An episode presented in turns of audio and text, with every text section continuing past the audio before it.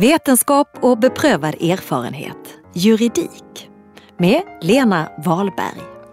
Lika eniga som eh, föreläsarna var om att begreppet eh, är oklart, lika oeniga var eh, flera av oss om huruvida det egentligen är ett juridiskt begrepp överhuvudtaget. Vetenskap och beprövad erfarenhet. Det är ett i grunden juridiskt begrepp som har avgörande betydelse för flera verksamhetsområden.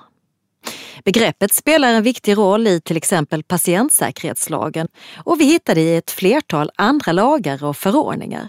Till exempel i högskolelagen, miljöbalken och skollagen. Men hur ska det här begreppet förstås? Och vilken funktion har begreppet i olika juridiska sammanhang? Hur påverkar det juristernas vardag?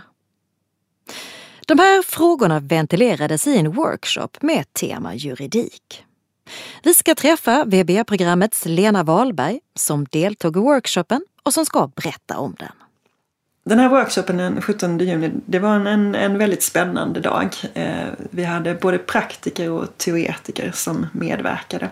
Och vi hade sex eh, intressanta föredrag. En av föredragshållarna var Petrus Tired som är domare i förvaltningsrätten i Malmö. Vi hade också ett föredrag av Elena Severin som är åklagare i Malmö. Lotta Wahlne Westerhäll som är professor emerita i offentlig rätt vid Handelshögskolan i Göteborg höll ett annat föredrag. Och sen hade vi två forskare från Uppsala. Dels Anna Singer som är professor i civilrätt och Jameson Garland som är doktor i medicinsk rätt, också från Uppsala, som höll sitt föredrag. Och så var det då jag, Lena Wahlberg, som höll ett av de här föredragen. Även bland eh, åhörarna så var det en blandad skara den här dagen. Det fanns forskare som var intresserade av begreppet från ett teoretiskt perspektiv. Men det var också många praktiker verksamma vid myndigheter som var intresserade av begreppet därför att de måste förhålla sig till den i sin professionella verksamhet. Det man eh, kan säga först om, om eh, temat för den här dagen, vetenskap och beprövad erfarenhet i juridiken, det är att det skiljer sig lite från hur vi har pratat om vetenskap och beprövad erfarenhet i, under de andra workshopsen i VB om miljö, VB och skola, VB och medicin och så vidare. Därför att när man pratar om VB, vetenskap och beprövad erfarenhet, i en disciplin så handlar det om i vilken utsträckning ens verksamhet, ens egen verksamhet är i enlighet med vetenskap och beprövad erfarenhet. I juridiken däremot så används VB som ett begrepp i den juridiska regleringen av andra verksamheter. Kan du ge några exempel på det? Ja, eh, i, i juridiken kan det till exempel handla om hur man ska förstå kravet på vetenskap och beprövad erfarenhet i den rättsliga regleringen av hälso och sjukvården. Och då är fortfarande frågan vad vård i enlighet med vetenskap och beprövad erfarenhet betyder, men vad det betyder enligt juridiken. Sen är det ju en helt annan fråga om juridiken i sig är förenlig med vetenskap och beprövad erfarenhet. Är det så att vår straffrätt till exempel är, är den tillräckligt evidensbaserad? Är det så att en domares dömande är förenligt med vetenskap och beprövad erfarenhet? Och vilken roll spelar erfarenheten i domarens agerande? Det är spännande frågor men det var inte de som var i fokus den här dagen utan vi tittade på BB som juridiskt begrepp. Det var som sagt flera olika föredrag och det fanns naturligtvis eh, många olika intressanta teman som kom upp den här dagen. Men en sak som det rådde nästan rörande enighet om, i alla fall bland de som talade, det var att innebörden av det här begreppet vetenskap och prövad erfarenhet är oklar. Och den oklarheten den kan man ju härleda till de här tre komponenterna i begreppet vetenskap, beprövad erfarenhet och sen det lilla ocket däremellan. Det var någon som skrev vad, vad betyder vetenskap egentligen? Vilken typ av, av vetenskap eh, får en domare utgå från? Är det bara randomiserade kontrollerade studier eller kan det vara annan typ av vetenskap också som uppfyller det här kravet? Beprövad erfarenhet, eh, notoriskt eh, svårbestämt begrepp, eh, ger upphov till ytterligare utmaningar. Men också det här ochet däremellan. Är det verkligen ett och? Eller är det kanske rent av ett eller? Är det vetenskap eller beprövad erfarenhet snarare än vetenskap och beprövad erfarenhet? Det var frågor vi diskuterade. Och det här är frågor som lagstiftaren inte har, har eh, löst utan som lagstiftaren har överlämnat åt eh, rättstillämparen att lösa. Så det är frågor som uppkommer vid rättstillämpningen av, eh, tillämpningen av den här lagen. Men tolkningsfrågor är inte de enda eh, frågor som uppkommer i tillämpningen utan eh, det uppkommer också frågor om huruvida kravet på vetenskap och beprövad erfarenhet är uppfyllt av den bevisning, den evidens som finns i det konkreta fallet. Och det ger ju upphov till särskilda utmaningar. Eh, för en domare till exempel som måste ställa sig frågan vilken typ av utredning behöver jag här egentligen? Och hur ska jag göra i mål där det inte finns någon sakkunnig? Där jag själv utan medicinsk expertis ska försöka ta ställning till någonting. Och hur ska jag göra i mål där det finns sakkunniga men de är två stycken och de säger olika saker? Allt är ju praktiska tillämpningsfrågor som inte har att göra med vad begreppet innebär kanske men snarare om hur vi ska få kännedom om evidensen i det konkreta fallet.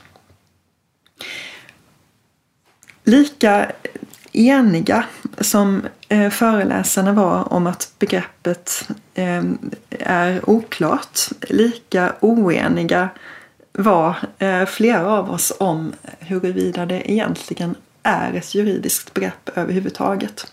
Hur ställer du dig själv? Jag anser att det är ett juridiskt begrepp. Jag anser att det är ett begrepp med juridisk innebörd.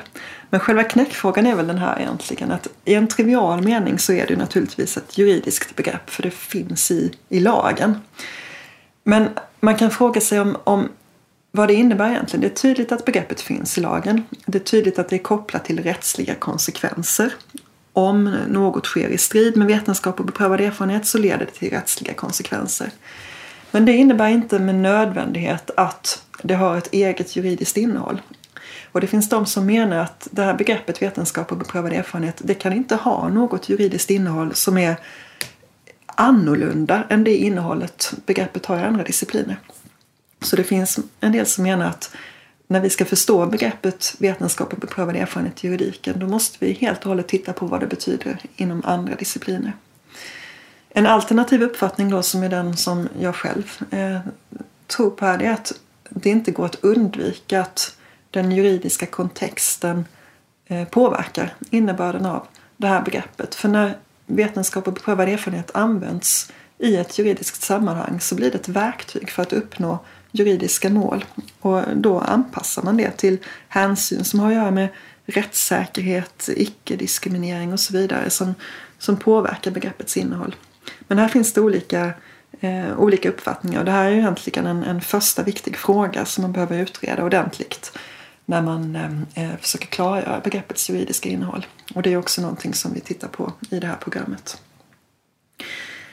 En annan sak som blev, blev tydlig och eh, där vi väl var mer eniga eh, är att sammanhanget, det juridiska sammanhanget har betydelse för det här begreppets innebörd.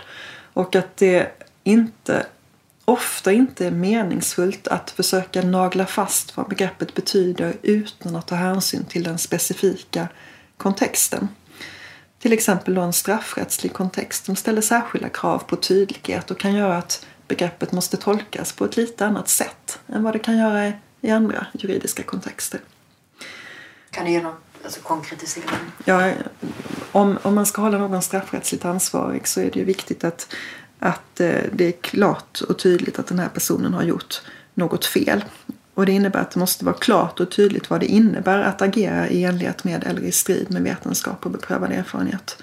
Om det är otydligt vad det här begreppet är så är det också otydligt vilka skyldigheter man har som eh, eh, hälso och sjukvårdspersonal. Och det är inte acceptabelt att straffa någon om det var oklart vad som är rätt eller fel att göra i ett konkret fall. Men det är också så att när vi pratar om, om eh, begreppets vara eller inte vara så måste vi också tänka på hur den svenska rätten överhuvudtaget ser ut. Vi har en offentligt finansierad sjukvård i Sverige som påverkar eh, vilken vård vi anser att människor ska eh, få tillgång till. Och det måste man också ta med i beräkningen. Man kan inte utan vidare jämföra eh, vetenskap och beprövad erfarenhet och innebörden av det begreppet med hur man diskuterar motsvarande frågor i amerikanska till exempel, där, där sjukvårdssystemet ser helt annorlunda ut. Ytterligare en sak som diskuterades det var om det här begreppet alltid är rätt verktyg i olika regleringar. Eh, vi pratade, eller en av föredragshållarna pratade till exempel om eh, vetenskap och beprövad erfarenhet som kriterium när man ska bestämma vad som är barnets bästa i en vårdnadstvist. Anna Singer. Ja, det var Anna Singer som sa det.